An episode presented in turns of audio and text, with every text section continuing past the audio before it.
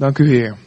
U bent het levende woord. Door uw woord heeft u hemel en aarde gemaakt. En door uw woord gaat u opnieuw scheppen in ons. Al zijn we 57,5 jaar christen. Of we zijn net vorige week bewust geworden dat er een God bestaat.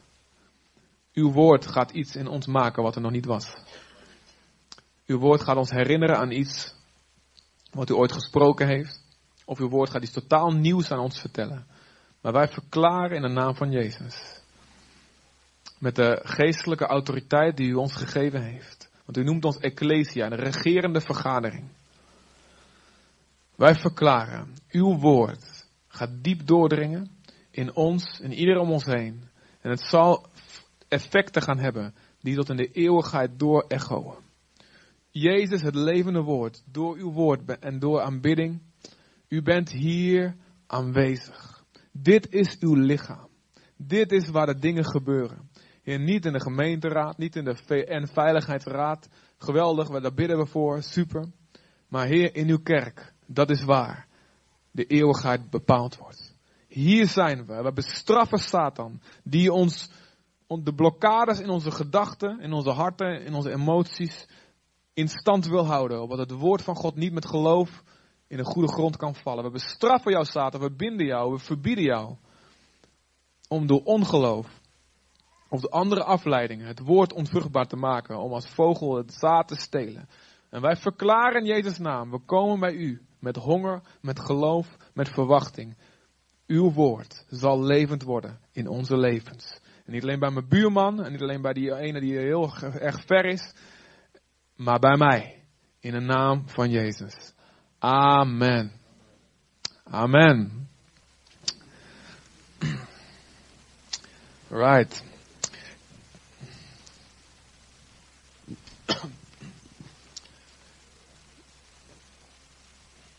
God wil dat je doorslaat.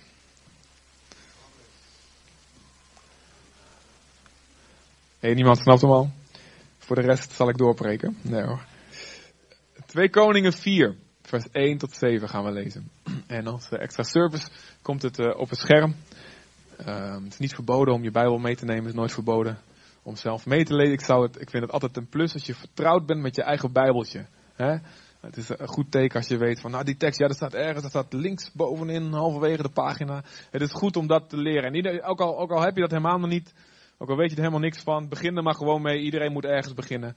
En um, dan zul je merken dat niet alleen op zondag of als je bij anderen bent, God tot je spreekt, maar dat ook thuis. Uh, gewoon, je bent alleen met je kopje koffie en je doet die Bijbel open en dan lees je maar een paar regels. Als je daar, God zegt, als je het woord, mijn woord overdenkt, op, de, op allerlei momenten van de dag, dan zal je in al je wegen je doel bereiken en zul je voorspoedig zijn. Het is gewoon tijdens je ontbijtje, tijdens je lunchje, weet je, sla gewoon eventjes dat woord open. Ik doe het wel eens als ik voor een stoplicht sta, heb ik een bijbeltje, en dan moet opletten, opletten op het verkeer natuurlijk als u begint te rijden, anders krijg je van die toeters achter je.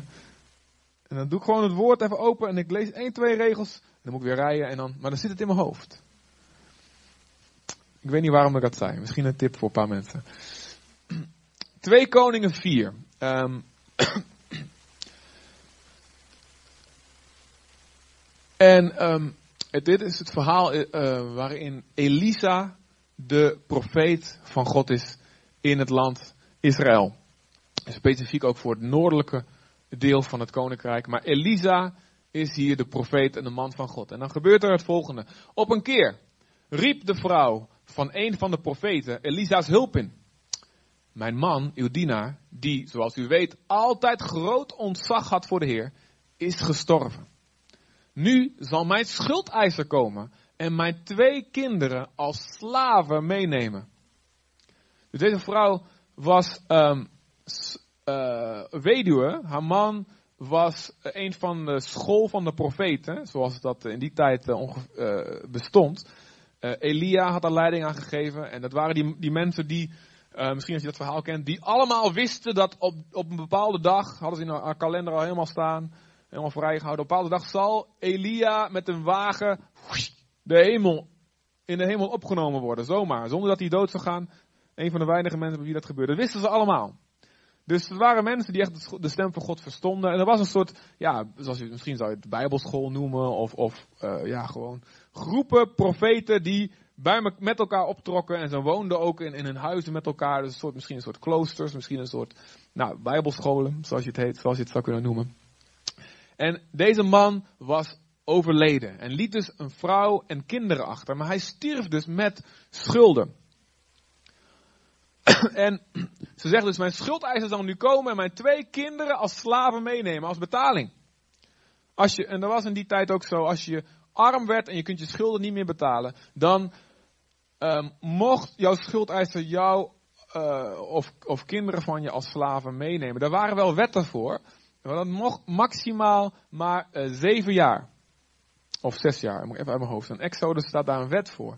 Maar goed, God spreekt later al door de profeet Jeremia heen dat er staat geen enkele van mijn wetten die ik jullie gegeven heb om rechtvaardig te leven, hebben jullie um, uh, op, op, op, op consequente wijze gehouden. Dus ook deze regels, zij wist ook, ja goed, misschien zullen mijn zonen weggenomen worden, maar we weten ook dat heel veel mensen houden zich niet aan de wetten die God geeft en ze zullen waarschijnlijk hun hele leven in slavernij blijven. Dus deze vrouw stond voor een groot probleem. Ze stond in de schuld. En dan zegt Elia, eh, Elia vraagt, wat kan ik voor u doen? En dan gaat hij verder. Wat, vertel me eens, wat heeft u nog in huis? Alleen een kruikje olie, heer, antwoordde ze. Verder niets. Toen zei Elisa, ga bij uw buren kruiken en kannen te leen vragen. Lege, zoveel als u er krijgen kunt. En als, ik vind het mooi, in de, in de herziende staatsstelling staat, laat het er niet weinigen zijn. Dus ga je hele buurt langs, verzamel alle lege potten, kruiken, kannen, maatbekers, wat je ook hebt. Verzamel alles waar je olie in kan bewaren. Laat het niet weinig zijn. Zoveel als je kan. Als u weer thuis komt, doe dan de deur achter u en uw kinderen dicht en giet uw olie, dat kleine beetje wat je nog hebt, giet het uit in die kruiken en kannen. Giet uw olie in die kruiken en kannen over. Telkens als er eentje vol is, neemt u een volgende. Thuisgekomen sloot de vrouw de deur achter zich en terwijl haar kinderen haar de kruiken en kannen één voor één aangaven, goot ze de olie over. Toen ze allemaal vol waren en ze haar zoon vroeg haar de volgende aan te geven, antwoordde hij, er zijn er geen meer. Toen hield de olie op te vloeien. De weduwe ging terug naar de godsman en vertelde hem wat er gebeurd was. Die olie moet u verkopen om uw schuld af te betalen, zei hij. En van wat er overblijft kunnen u en uw kinderen leven. Dit is dus een wonder van vermenigvuldiging wat hier gebeurt. Ze had nog maar zo'n klein beetje olie over. En ze moest alle potten en pannen en kannen en kruiken in de buurt gaan verzamelen. En zo groot en zo groot van dat kleine beetje. En voor de ogen zag ze iets gebeuren. Het bleef er maar uitstromen, het bleef er maar uitstromen, het bleef er maar uitstromen. En één pot vol, en een tweede kan, en een derde kruik. En vol en vol en vol. Ik ken iemand die heeft echt zoiets meegemaakt. Is toevallig ook een, een, een Colombiaanse dame. En, en dat was in, in Nederland. En die hadden uh, tijd ook helemaal geen geld meer. En letterlijk hebben ze ook de olievermenigvuldiging gehad. Ze hadden geen geld om nieuwe te kopen. En ze moest gaan bakken en koken. En ze had absoluut geen cent meer. En ze heeft letterlijk dit meegemaakt. Nou goed, ik, ik, ik weet, herinner me het verhaal niet, niet, niet helemaal goed meer. Ik heb het gehoord toen ik tiener was of zo. Maar er was iemand waarvan ik weet dat hij geen onzin vertelt. Dit zijn dingen die God doet. Amen, geloven we dat, dat God dit kan doen. Hetzelfde met die broden, met die vissen. Weet je wel, vijf broden, twee vissen. En het is genoeg voor een menigte. En er blijven twaalf mannen zelfs over. kun je het voorstellen? Maar dit is wel onze God. Is iets te moeilijk, iets, iets onmogelijk voor God? Nee. Hij heeft, God, hij heeft alles uit het niks gemaakt. Hij kan ook iets wat er al is, kan hij vermenigvuldigen. Hij weet precies hoe dat werkt met die, met die moleculen, atoomsplitsing. Ik weet niet hoe hij dat doet. Eh, een van de chemische formules, die zijn allemaal onder zijn controle. Het is voor hem een, een, een, een, een peulenschil. Is dat een goed woord? Dat heb ik lang niet gebruikt, dat woord. Een peulenschil. Maar let eens even op aan een aantal dingetjes die je hier ziet in dit verhaal. Er was een goed man, deze profeet. Hij vreesde de Heer. En toch was hij in de schuld. Dat is het eerste wat me opviel. Hé, maar het is toch zo dat als je God altijd dient, dan zul je toch uh, nooit in de schulden staan. Je zult altijd genoeg hebben. Je zult alleen maar een andere uitlenen en zelf nooit hoeven lenen en al die dingen. En, en, en dat is toch niet goed. Maar dit was een goed man, staat. Hij had altijd ontzag voor de Heer. En toch stond hij in de schuld. En dit laat me zien dat, weet je, hoe goed je ook bezig bent. Er kunnen dingen gebeuren in je leven die je niet onder controle hebt. Er kunnen dingen gebeuren in je leven die je niet. Je hebt altijd bovennatuurlijke hulp nodig. Hoe goed je ook bezig bent. Je hebt altijd een wonder nodig. Hoe, en het geldt ook wat betreft onze, onze poging om rechtvaardig te leven. Hoe goed je ook bezig bent. Je hebt altijd hulp nodig. Oh, moeten wat jassen gegeven worden? Nou goed hoor, geef maar lekker die jas aan de kids. Dat wordt spannend. Hoe goed je ook bezig bent in je eigen kracht, er zijn altijd dingen die boven je pet gaan. Amen. Je kunt nooit zeggen, weet je, ik, ik ben nou zo goed bezig, ik doe nou zo hard mijn best, eigenlijk heb ik geen wonder meer nodig. Eigenlijk kan ik het ook wel zonder de Heer. Kijk eens hoe rechtvaardig ik ben, kijk eens hoe, push, ik heb het allemaal wel onder controle. Die mensen, ja, die staan in de schulden, maar ik. mij overkomt dat niet hoor. Je hebt altijd Gods hulp nodig. Snap je dat? En geestelijk naar God toe. Er is geen hoeveelheid aan goede werken die wij kunnen doen, die ons uit de schuld naar God en naar de hemel en de aarde toe kunnen halen. Onze zonde kunnen we niet even terugbetalen met een paar goede daden. Van nou, ik heb even 10 kilo gezondigd. Nou, als ik nou gewoon 11 kilo goede daden weer doe, dan sta ik weer een beetje in evenwicht. Dat is hoe de meeste religies werken. Maar God zegt, weet je, dat is een totale onderschatting van hoe heftig zonde is. Zonde is zo heftig. De dood die jij ermee verspreidt, de eeuwige dood en de dood hier in deze wereld die jij ermee verspreidt, kan ik niet zomaar goed maken met een paar goede daden. Ik heb jouw bloed daarvoor nodig. Wil ik ooit kunnen zeggen dat ik een rechtvaardig God ben? Wil ik ooit kunnen blijven, wil ik, ik zeg het eventjes als we als een mens zou spreken, zo spreekt God natuurlijk niet. Hè? Maar als God rechtvaardig is, en dat is hij, dan de dood die wij verspreiden, dat moet ons, ons leven daar moeten we met ons leven mee betalen. Dat is de enige rechtvaardige oplossing. Geen goede daden kun je eruit halen. Dus als jij hier zit en onbewust, en misschien geloof je in Jezus en denk je van oké, ja, hoe mooi dat hij aan het kruis gestorven is. Maar onbewust stel jij toch nog steeds je vertrouwen op je eigen goede werk om in de hemel te komen. Dan bouw je op een verkeerd fundament. We hebben net gezongen Christ Alone, Cornerstone. En, en dan misschien zo'n moeilijke Engelse zin. I dare not trust the sweetest frame, but holy trust in Jesus' name. Het is misschien een beetje ingewikkeld, maar het staat eigenlijk, ik, ik, ik, ik zou niet het lef hebben om te vertrouwen op mijn eigen goede daden om gered te worden. Want als je dat doet, als, dat offer, wat we, als we dat als offer gaan aanbieden, dan als God dat, dat, dat offer, dat dier, wat dat gaat inspecteren, vindt hij er altijd wel een fout aan. Want ja, je hebt wel goede daden gedaan. Hartstikke goed dat je aardig bent geweest voor je buurvrouw. En lief voor je kinderen. Maar hier, hier, hier zie ik, terwijl je dat doet, ben je hartstikke trots in je hart. Moet je kijken. En terwijl je dit, dit goed doet, veroordeel je anderen die dat niet goed doen. Dat is ook net, net zo goed zonde. Dus elke keer, elk goed werk, vervuilen wij weer met een andere zonde die er tussendoor komt. Dus je blijft bezig. De enige oplossing is, die God geeft, is vertrouw voor jouw rechtvaardigheid op Jezus. Amen. Ik vertrouw alleen op Hem. En als we dan beseffen dat we gratis vergeving hebben gekregen, dan verandert ons hart. En dan denk je, wauw. Dus niet om wat ik gedaan heb, kom ik in de hemel, maar gewoon terwijl ik het totaal niet verdien. Geef God mijn eeuwig leven. Wie dat gelooft, verandert zo van hart. Bekeert zich helemaal. Dat het bekering wordt, wordt het enige wat je wil doen. En van binnenuit houd dat je hart zuiver. De besef van die genade houdt je hart zuiver. En heeft automatisch als vrucht goede werken. Een veranderd leven. Daden van liefde, daden van geloof. Uit dankbaarheid voor die genade. Snap je dat? Maar dat is het andersom, de volgorde andersom. Eerst rechtvaardiging, daarna heiliging. Niet eerst heiliging en daarna rechtvaardiging. Dus ik even wat theologische termen doorheen mag gooien. Amen. Ja? Dus dat is de, het cadeau van Gods genade.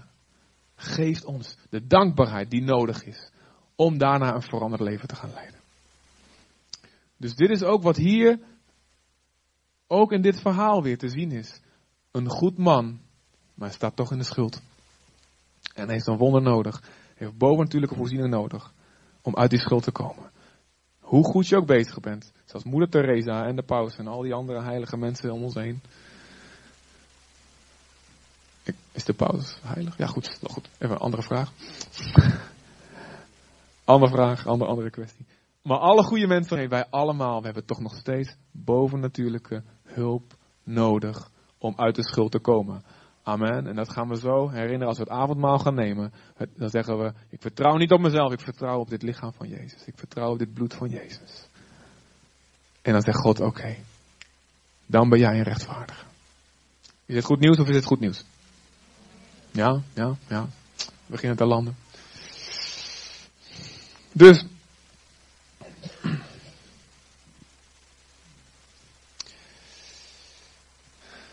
Dus je ziet hier in deze, dit verhaal ook twee dingen. Je ziet het bovennatuurlijke deel, wat wij niet kunnen doen. Olie die vermenigvuldigd wordt.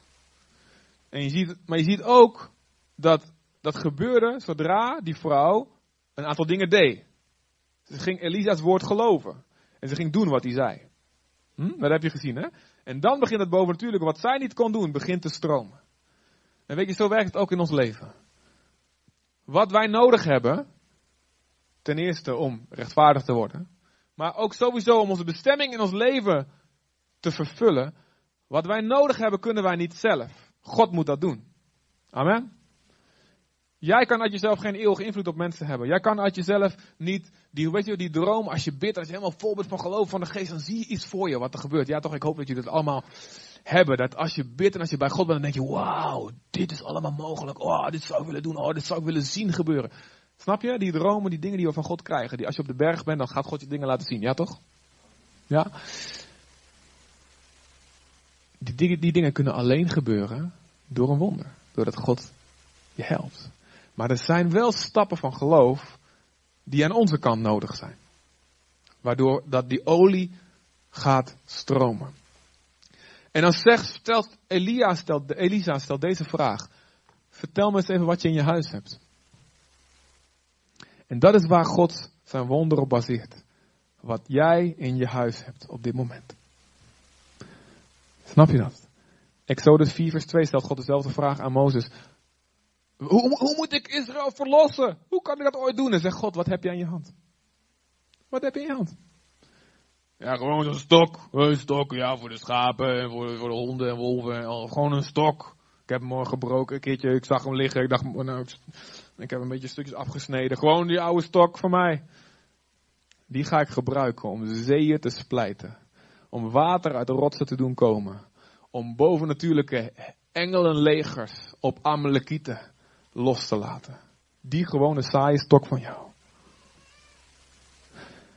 En het zegt, Elisa zegt hetzelfde. Wat heb je in huis? Ik heb alleen maar een klein beetje.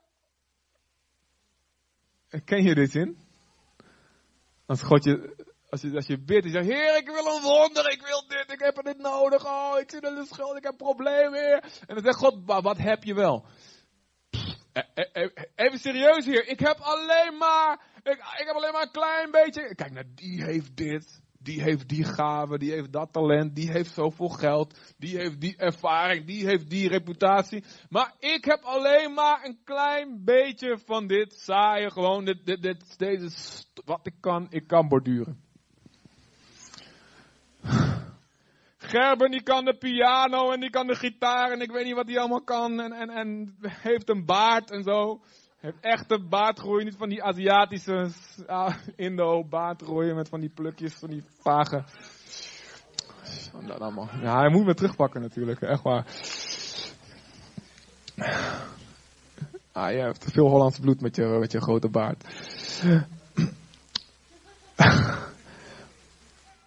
maar ken je dat, weet je wel? Die heeft van alles, maar ik heb alleen maar een klein beetje. Ik kan alleen maar bidden. Ik kan niet, ik kan niet, ik kan niet zingen, ik kan niet preken, ik kan niet, niet organiseren, ik kan niet dit, dit, ik kan niks. Maar wat kan je wel, zegt God? Vertel me wat je in je huis hebt. En God zegt nu tegen jou, vertel mij wat je in je huis hebt. Wat heb jij in huis? Wat kan je wel? Ik kan koken. Ja, dat kan ik. Maar ja, dat is toch niks vergeleken met. Hé, hey, haal eens wat kruiken. En gooi dat, giet dat, dat kleine beetje. Kijk, laat zien. Wil je zien wat ik ermee kan doen? Wil je zien wat ik ermee kan doen?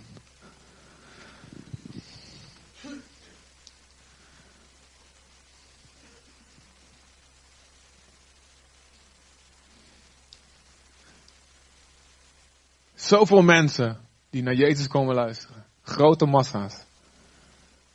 En Jezus zegt, en wij gaan ze allemaal eten geven. Heer, even serieus. Stuur ze beter naar huis. Helemaal niet logistiek, eh, organisatorisch, financieel is het helemaal niet aantrekkelijk plan. Geef, geven jullie ze maar te eten. En er komt één iemand, die is echt een dwaas, die heeft echt geen contact met de realiteit. Die, die komt en die zegt, ik heb hier een jongen die heeft vijf broden en twee vissen. Maar, oh, oh, wacht even. Oh, dat is niet genoeg. Oh ja, 1, 2, 3, 4, 5000. En nog vrouwen en kinderen, oh ja. Maar dat, kleine beetje, veel te weinig, vermenigvuldigt Jezus. Wat jij hebt, het lijkt veel te weinig, het lijkt niks. Maar God zegt, dat ga ik gebruiken. Jouw kleine, saaie ding ga ik gebruiken. Amen. Wie wordt blij? Wie wordt blij? Even serieus. Wie wordt blij van? Ja. Gelukkig. En dan zegt Elisa, ga eens wat verzamelen waar je het in kan stoppen. Ga eens kruiken en kannen verzamelen waar je het in kan stoppen. Laat het alsjeblieft niet te weinig zijn. Snap je?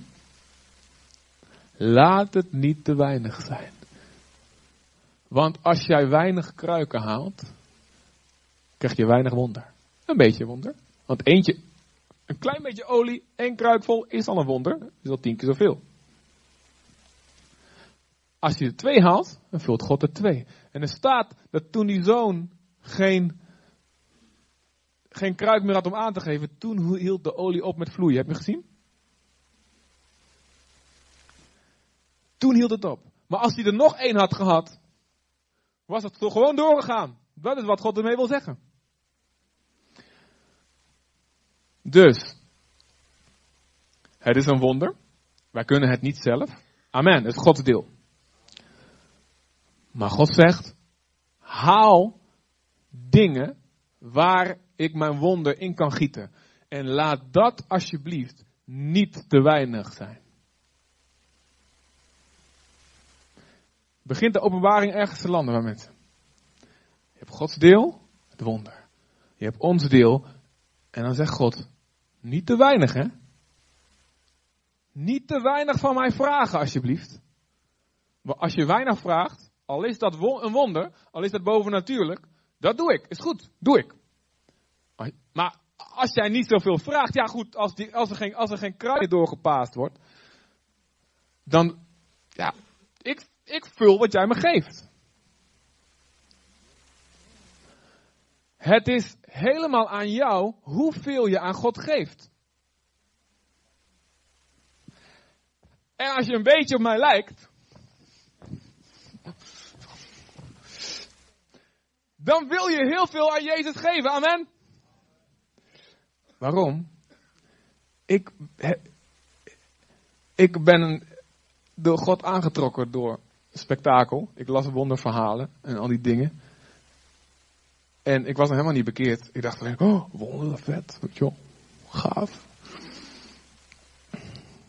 En natuurlijk, daarna ben ik achtergekomen, joh, Die wonderen allemaal bijzaken. Het gaat om het hart van God of van mijn, het is mijn God. Ah, Ik heb mijn vader opnieuw gevonden. Ik ben thuisgekomen, weet je wel. En weet je, die wonderen kunnen me eigenlijk ook in die zin gestolen worden vergeleken met die relatie die ik nu heb gekregen. Maar God heeft dat gebruikt om mij te trekken tot hem. Snap je, een lokkertje. En ik heb flink goed gehapt. Maar. ehm, ik ben helemaal kwijt wat ik ermee wil zeggen. Maar waar het om gaat is, weet je wel, wat is jouw houding? Hoeveel wil je? Hoeveel wil je laten vullen door God? Hoeveel, en het is dus helemaal up to you hoeveel je brengt, hoeveel je haalt. Natuurlijk was daar een beperking aan. Ze kon niet het hele land doorgaan kruiken gaan halen. Dus gewoon haar straat en haar buurt en de mensen die ze kent, daar kon ze dingen gaan lenen. Maar ze had geloof. Ze had nog helemaal niks. Maar ze ging dingen halen om te vullen. En dit is Gods aansporing voor ons vandaag. Laat het niet te weinig zijn. Weet je, God stopt als jij stopt. God gaat door als jij doorgaat. En als je een beetje beseft hoe vooral deze wereld eraan toe is, dan heb je door dat het niet, het gaat eigenlijk helemaal niet om ons. Weet je wel, dat wij kunnen zeggen, kijk eens wat een grote wonderen, kijk eens hoeveel God doet bij ons. Maar als je je hart op de goede plek hebt, dan weet je hoeveel hemel er nodig is in deze hel hier op aarde. Snap je dat? Als jij geconfronteerd wordt met de gebrokenheid in gezinnen, in mensen, in harten, in mensen die ongeneeslijk, ongeneeslijk gebroken van hart verklaard worden door iedereen, die kun je niet meer redden, die is niet te bereiken, joh. die is, joh, die, ik, ik hoorde van de week over, ik weet, niet, ik weet het getal niet meer, maar was het 30 of 40 psychiatrische patiënten op wie ze euthanasie gepleegd hebben? Zo weet je, deze is zo ver heen. Laten we die maar doodmaken. Want die kun je niet meer. Die gebroken hart, die, die, die verknipte geest, dat, kun dat kan niet meer genezen worden. Ik heb zoiets van, weet je. Wanneer komt de dag dat wij als kerk kunnen zeggen: Weet je, breng die maar naar ons. En dat we geloof gaan hebben voor iets. Waar niemand meer geloof voor heeft. Misschien die persoon zelf waarschijnlijk geen geloof voor heeft. Een verlamd iemand. Waar we desnoods het dak voor van, de, van, de, van de kerk weer afbreken om die bij Jezus te brengen. Snap je? Als je snapt hoe kapot de wereld is, dan haal je het niet in je hoofd. Om te zeggen, nou weet je, doe mij maar eentje een kruikje en dat vind ik wel weer genoeg. Hè? Het is niet elke dag feest en eh, je moet niet eh, te veel willen en zo. Het gaat niet om ons, het gaat om mensen die, niet alleen in dit leven, maar voor eeuwig, zegt het woord van God heel duidelijk, verloren zullen gaan. Als zij niet Jezus in hun leven tot redder en Heer maken. En van, dat moet onze passie zijn. Om te zeggen, kom maar, ik ga nog een kruik zoeken. Want uh, ik wil dat het wonder niet stopt. Laat het niet te weinig zijn. Amen. En wat betekent dat nou concreet? Dat betekent ten eerste dat we groter moeten gaan dromen. Yes? Even serieus. Abraham moest groot leren denken. Hij had geloof. Maar je ziet voortdurend dat God zijn denken even moet oprekken. Uh, God die zei, ik geef je dit land. Ga er naartoe. Hij, geloofde datgene wat hij snapt. Dat geloofde hij. En daarom zag God hem als een rechtvaardige. Niet omdat hij perfect leeft, maar omdat hij geloofde wat God tegen hem zei. En zo is het ook met ons. Niet omdat we perfect leven, amen. Maar omdat we geloven wat God tegen ons zegt. Dat maakt ons tot een rechtvaardige. Yes. Yeah. Maar God is wel je denken aan het oprekken, als het goed is. Want God zei tegen Abraham, ik geef je een zoon. Maar Abraham zegt, joh, eh, ja, ik weet, Genesis. Nou, eerst zie, je, eerst zie je dat God Abraham of zijn vader, een van de twee, of de vader nou met Abraham meeging of de Abraham met zijn vader. Die ga, ze gaan op weg van Irak, van Babylon, zeg maar, Ur, om naar Canaan te gaan. Maar ze blijven halverwege, komen ze in Haran en daar blijven ze. Dat heb ik wel eens vaker verteld, dat stukje.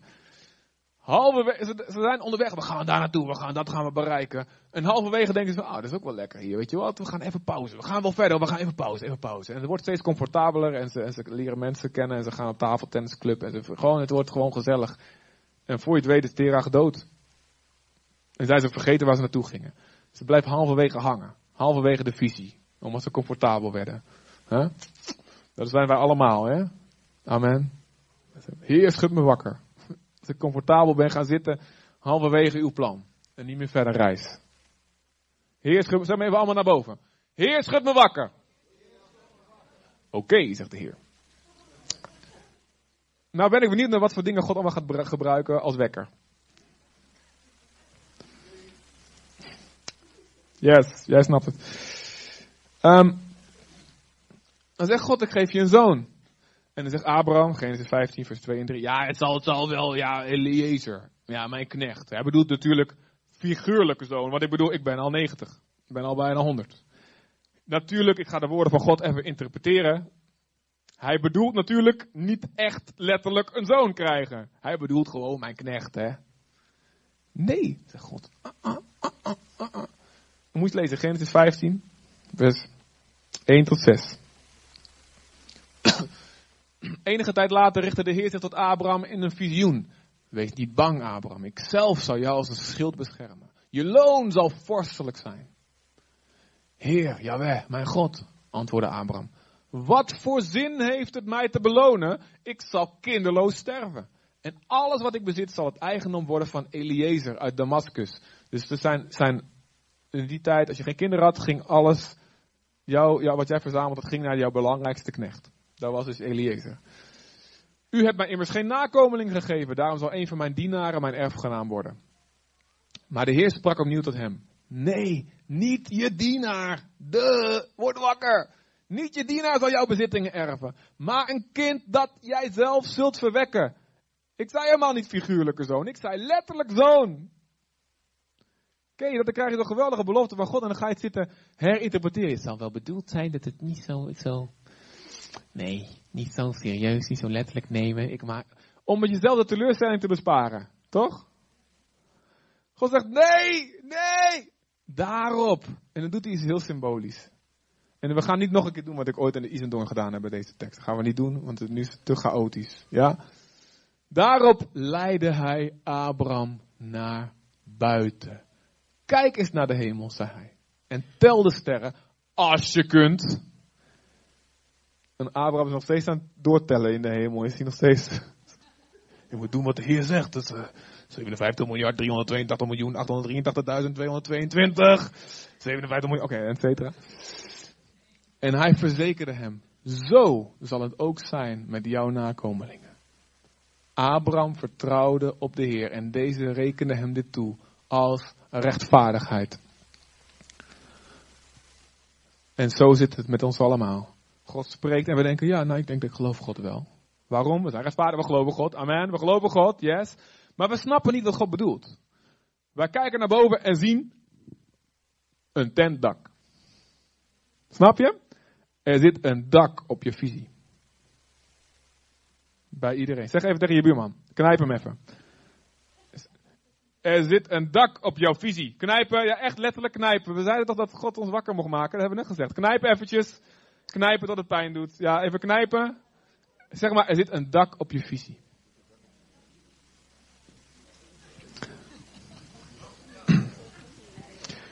Want je kijkt naar je leven. En je kijkt naar wat God kan doen door je leven. Je kijkt naar jouw gezin. Je kijkt naar je kinderen. Je kijkt naar je dromen. Je kijkt naar je werk. En je, alles wat je ziet is. Ja, ik geloof wel een beetje. Zo, plop, tot dat dak. Dat kan God doen binnen de lijn van de verwachting. Gewoon gestaag, door, rustig, weet je wel. Goed, we hebben nou zo'n 200 mensen, 250, weet je wel. Ja, ik geloof dat de gemeente wel rustig, zo, een jaar of 20, 300, ja. Je vergeet eventjes dat er nog 48, 49.000 mensen een groot probleem hebben als ze de eeuwigheid inkomen. En dan kunnen wij het van veroorloven om ons tentdak als maximum te hebben. Dus God leidt je naar buiten en zegt: Oké, we gaan even de dak eraf blazen. Letterlijk. God zegt twee stappen naar voren uit die tent. Midden in de nacht, weet je wel. Kijk, nu is naar boven.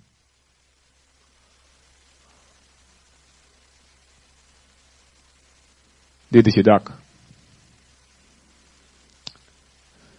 En Abraham dacht, zoveel. Ik ben 90. Het slaat nergens op, maar weet je wat? Weet je wat? Ik geloof het. Die God heeft zich bewezen tot nu toe. Ik, ik weet niet hoe. Ik heb geen vijfjaren plan. Ik heb geen boeken erover gelezen. Hoe een vader te worden van alle volken in zeven stappen. Aartsvader van alle gelovigen worden voor dummies. Hij weet het niet. Alleen hij gelooft. Heb jij dat gelezen? Even pasen naar mij, man. Dat wil ik wel weten. Aartsvader Christian. Christianus misschien. Geef me voor mijn grootheid wazen, Heer. Amen, oké. Maar.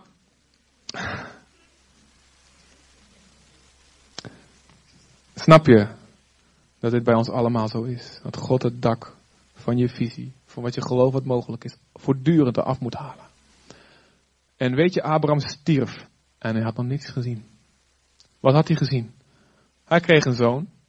Hij, want hij dacht, oké, gaat God het doen? Maar mijn vrouw is oud. En zijn vrouw zei, we gaan het zelf invullen. Oké, God zei letterlijk. Oké, we kunnen niet meer zeggen figuurlijk. Hij zei letterlijk, maar dan bedoelde hij zeker door de slavin. Dus, Abraham dacht, let's do it. Ismaël. En even later spreekt God opnieuw over zijn zoon, over nakomelingen. En uh, ik zal nog een zoon geven met jou en Sarah. En Genesis 17 vers 18 zegt, zegt Abraham, ho, ho, wacht even heer, ik heb het plan al in vervulling, ik heb het al in werking gezet allemaal. Ik heb al een ander kind. U bedoelt toch zeker wel Ismaël, hè? Anders heb ik een probleem. Nee, jij en Sarah. Ismaël zal ik ook zegenen, zegt God.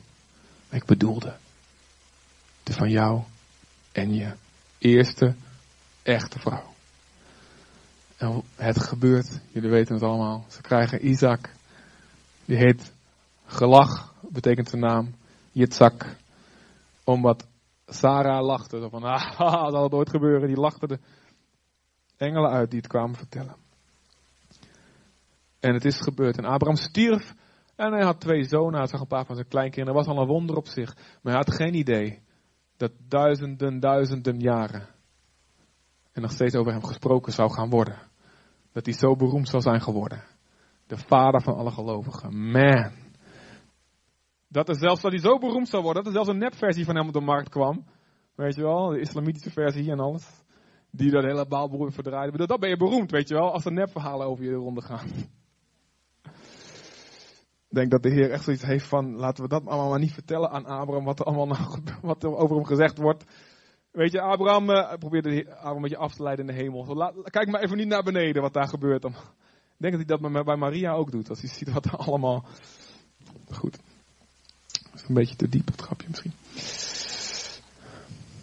Dus, laat het niet te weinig zijn. Betekent ten eerste, we moeten groter gaan dromen voor God. En niet iedereen is geroepen zoals David de Vos. Ik ook niet. Voor grote hectares mensen te bekeren, weet je wel. Um, misschien sommigen van jullie wel, weet je nog helemaal niet. Sta er wel open voor, als het toch zo is. Maar het gaat er niet om, ik heb het niet over groot in de ogen van mensen. Ik heb het over groot in de ogen van God. En dat je daar, want Abraham had er maar twee, hè? Isaac en Ismaël, toen hij doodging. Hij had die sterren nog helemaal niet. Sorry? Ja, goed, oké. Ja, ja, heel goed theologisch gecorrigeerd. Maar ik bedoel, hij had nog niet die volken. Ja, wat het scherp. Maar wat God uiteindelijk er doorheen doet, zal eeuwig zijn. Ook door jou. Niet podiumachtige gaven. Snap je het? Grote dromen. Ten tweede betekent het. Wij moeten meer gebieden van ons leven laten vullen door God. Meer kruiken halen. En Jezus zegt. Kijk hoe laat het is hoor. Oh, ik heb nog wel een uurtje. Um, Jezus zegt in Marcus 4, vers 24 en 25 zegt hij iets. Dan heeft hij het over de gelijkenis van zaaier gehad. Heeft hij het gehad over het effect van het, van het woord van God in ons leven. En dan zegt hij dit, let goed op wat je hoort. En het is heel belangrijk te weten, in Lucas 8 vers 18, het uh, hoef je niet te, niet te, schakelen Anton. Maar in Lucas 8 vers 18 staat daar uh, niet alleen wat je hoort, er staat hoe je luistert. Let goed op jezelf, hoe je luistert naar het woord van God. Want met de maat waarmee jij meet, zal jou de maat genomen worden. En dan zal je zelfs meer worden toebedeeld. Want wie heeft, zal nog meer krijgen. Maar wie niet heeft, zal zelfs het laatste worden ontnomen. Nou zegt Jezus dezezelfde uitspraak, met de maat waarmee je meet, zal je gemeten worden, in, het, uh, in de context van veroordelen van anderen. Dus als jij anderen de maat neemt, veroordeelt, op die wijze zul je zelf ook veroordeeld worden. Dus een oproep om genadig te zijn. En om rekening te houden dat je zelf ook genade nodig hebt. Waardoor je genadig wordt naar anderen. Maar in, deze, in dit verhaal bedoelt Jezus het. Dezelfde uitspraak bedoelt hij anders. Hij bedoelt hiermee de mate van aandacht en honger en geloof die jij kiest te geven aan de woorden van God in je leven. Dat zal de mate zijn van vrucht die je van, van oogst die je daarop zult krijgen. Dat is wat hiermee bedoeld wordt. In de Amplified Bible in het Engels staat het ontzettend staat het, uh, heel mooi beschreven. Dan heeft hij het erover het zaad en wat voor vrucht dat draagt in je leven. Maar dan zegt hij, want wie heeft zal nog meer krijgen. Maar wie niets heeft zal zelfs het laatste worden ontnomen. Nou, als dat letterlijk bedoeld wordt, dan is dat heel asociaal. En Jezus, zijn onderwijs gaat juist heel erg voor de armen en tegen rijke mensen die de anderen verachten. Dus daar heeft het daar ook niet over. Dat zou heel naar zijn. Je hebt nu een klein beetje, nou dan geven we dat dan. Nou, dat, zo, dit, dus zo wordt deze tekst niet bedoeld. Het gaat erover. Zorg dat je geloof groot is. Kies ervoor. Goed te luisteren naar de woorden die Jezus zegt. Want dat zal de mate zijn. De mate van jouw aandacht, de mate van jouw focus, jouw honger, jouw vastberadenheid zal de mate zijn van het effect wat je ervan zal zien in je leven. Precies wat we gezien hebben in dat verhaal. Hoeveel kruiken jij haalt, is hoeveel wonder je gaat zien. En als er geen kruik meer is, stopt de olie met vloeien. Maar, ja, is dat niet iets wat je gegeven moet zijn? Sommige mensen hebben nou eenmaal meer honger naar God, hebben nou eenmaal meer passie. Die heeft, is al vurig altijd, weet je wel, en die verwacht altijd zoveel. Ja, dat heb ik nou eenmaal niet. Dat is een vraag die beantwoord moet worden. Ik geloof ja en nee. Ten eerste ja, want niet iedereen hoort dit woord. 99% van de mensen op dit moment in Zutphen hoort deze oproep van God niet. Dus in die zin moet het je gegeven zijn, jij wel. Jij zit hier. Dus het is je nu bij deze gegeven. En daarna komt onze reactie. In 1 Corinthians 14 vers 1 staat heel duidelijk. Streef naar de gave van de geest. Dit is een opdracht. Dus dat betekent, kies daarvoor. Besluit het. Als jij niet streeft, gebeurt het ook niet. Als jij geen kruik aanbiedt, houdt de olie op met vloeien. Amen? Snap je het? En hetzelfde 1 Petrus 2 vers 2 tot 5. Daar zegt Petrus, verlang vurig als pasgeboren kinderen. Nou, ik heb er eentje, ik weet hoe die vurig kunnen verlangen. Naar de zuivere melk van het woord. Opdat u daardoor mag opgroeien. Dus God zegt hier, het is aan jou om te streven naar meer van mij in je leven, op meer gebieden. Het is aan jou om vurig te verlangen. Je kunt het ook niet doen. Je kunt ook zeggen, nou ik vind er genoeg wel die kruikjes, ook vind één zo'n kruikje wel leuk, hartstikke fijn. En dan zal dat, dat de begrenzing zijn. Maar ik hoop dat dit iets in jou wakker maakt.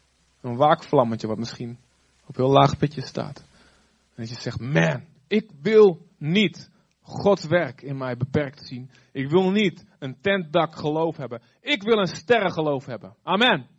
Is er hier iemand die zegt van yes?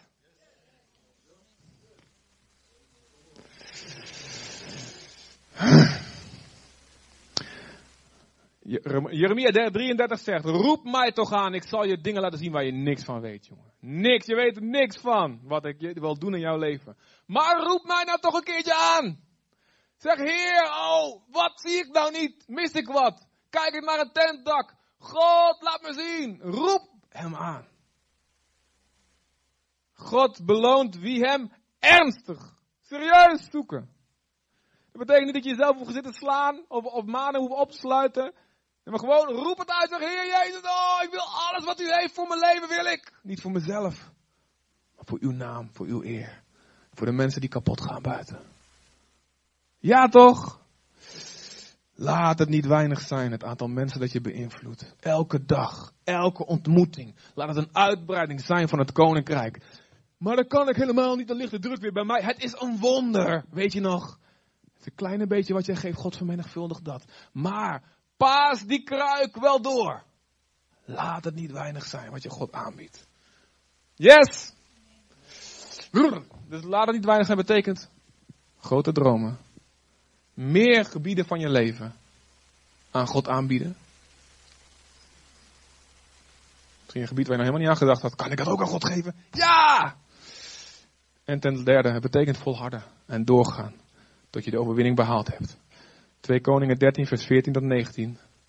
Daar staat dit, ene, dit verhaal. En dan snap je eigenlijk de titel van de preek. Toen Elisa ziek was geworden en op sterven lag, zocht koning Joas van Israël hem op. Huilend riep hij uit, vader, vader, strijdwagen en ruiterij van Israël. Oftewel, Elisa wat is het echte leger. Ik heb een leger, maar jij bent het echte strijdwagen en ruiterij. En nu ga je dood. Dat is wat hij zei. Elisa zei tegen de koning, haal een boog en pijlen. En toen Joas dat gedaan had, zei Elisa, span de boog. Joas spande de boog en Elisa legde zijn handen over de handen van de koning heen. Zijn oude stervende handen legde hij eroverheen. En hij zei, open het venster dat uitziet naar het oosten. Oftewel, waar de vijand woont. Joas, open het venster. En, Elisa zei, schiet! Schiet! De koning schoot een pijl af. En Elisa zei, deze pijl is een overwinningsteken van de Heer, een symbolische pijl. En het betekent de overwinning op Aram. De Arameërs. Bij Afek, is een bepaalde plaats daar, zult u Aram vernietigend verslaan. Nou, dit is een leuk afscheidscadeau. Een overwinning op de vijand. Die hun terroriseerde. En daar zei Elisa, pak uw pijlen. Joas nam de pijlen in zijn hand die hij nog over had. En zei tegen, Elisa zei tegen de koning, sla met de pijlen op de grond.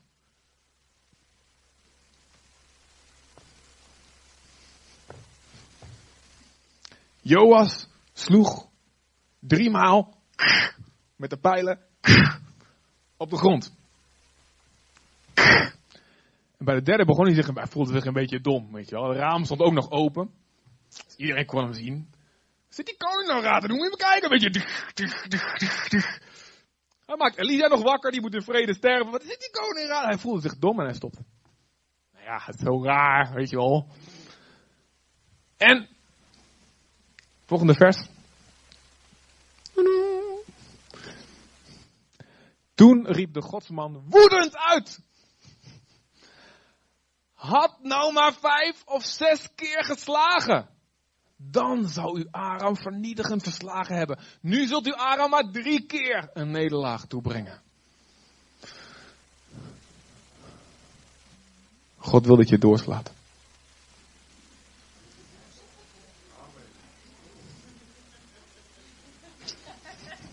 God wil dat je doorslaat. Snap je? Ah, weet je, ik heb mijn driftbuien overwinnen, overwonnen. Ja, laat dat uh, met een schuin oog kijken naar andere vrouwen als ze langskomen. Laat dat maar zitten.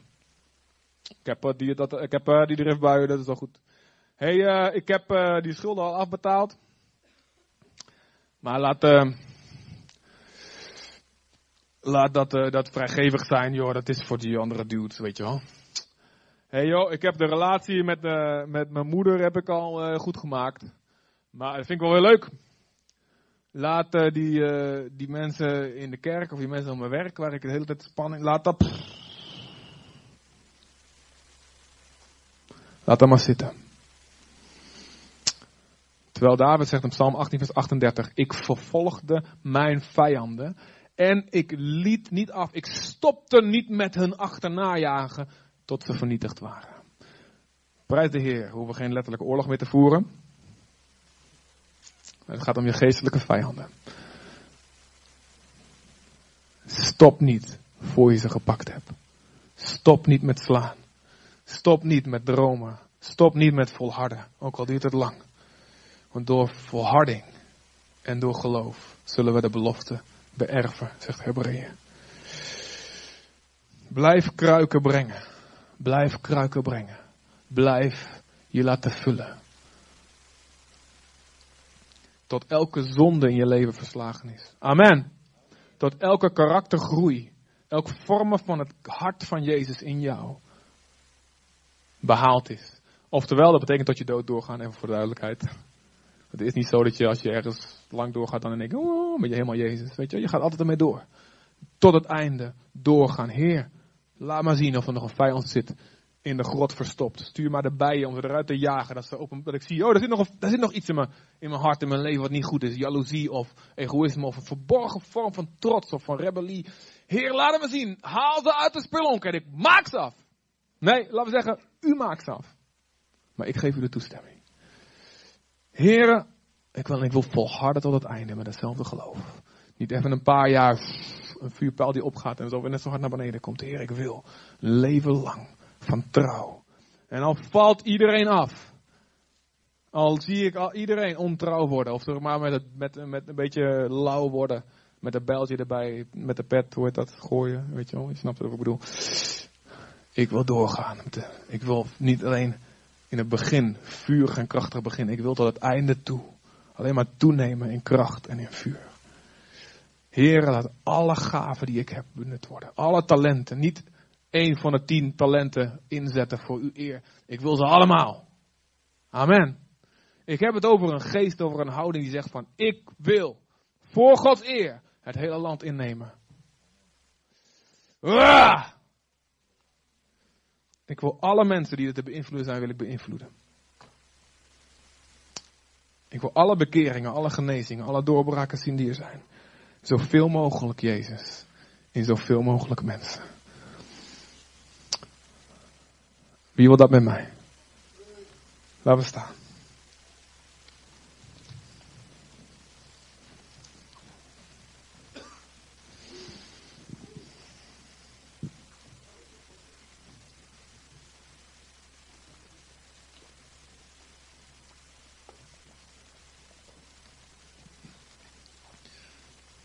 het niet doorslaan betekent dat de vijand misschien wel een klap krijgt, maar blijft leven en zich weer kan versterken. En uiteindelijk werd dit de ondergang van Israël, waardoor ze in ballingschap gevoerd werden naar Babylon. Wat op dit moment niet zo belangrijk lijkt om te overwinnen, was op dit moment misschien een extra optie, maar niet noodzakelijk lijkt om meer kruiken aan te bieden, meer gebieden van je leven onder controle van Jezus te brengen. Wat ernstige God te zoeken. Misschien denk je, ja, dat is een soort luxe. Weet je, later, als ik eh, wat meer rust heb, als ik wat minder druk heb met mijn werk, als mijn kinderen wat ouder zijn, als ik een stabielere situatie heb, als ik wat meer financiën heb, dan ga ik God wel wat meer zoeken als, als ik getrouwd ben, als ik dit duidelijk heb, als ik. Dan, weet je, dan kan ik. Dan, dan, dan, dan komt er een tijd. Dan kan ik dat gaan doen. Maar nu, weet je, God snapt het wel, het is wel goed zo. En het lijkt nu een luxe, maar je hebt niet door dat het een bittere noodzaak is om in de zomer te verzamelen. Want er komt een winter aan, dat je alles nodig hebt wat je verzameld hebt. Egypte had niet door dat er een hongersnood aankwam. Maar Jozef had het door. God openbaarde het aan Jozef. En hij zegt, we moeten nu verzamelen in de tijd van overvloed.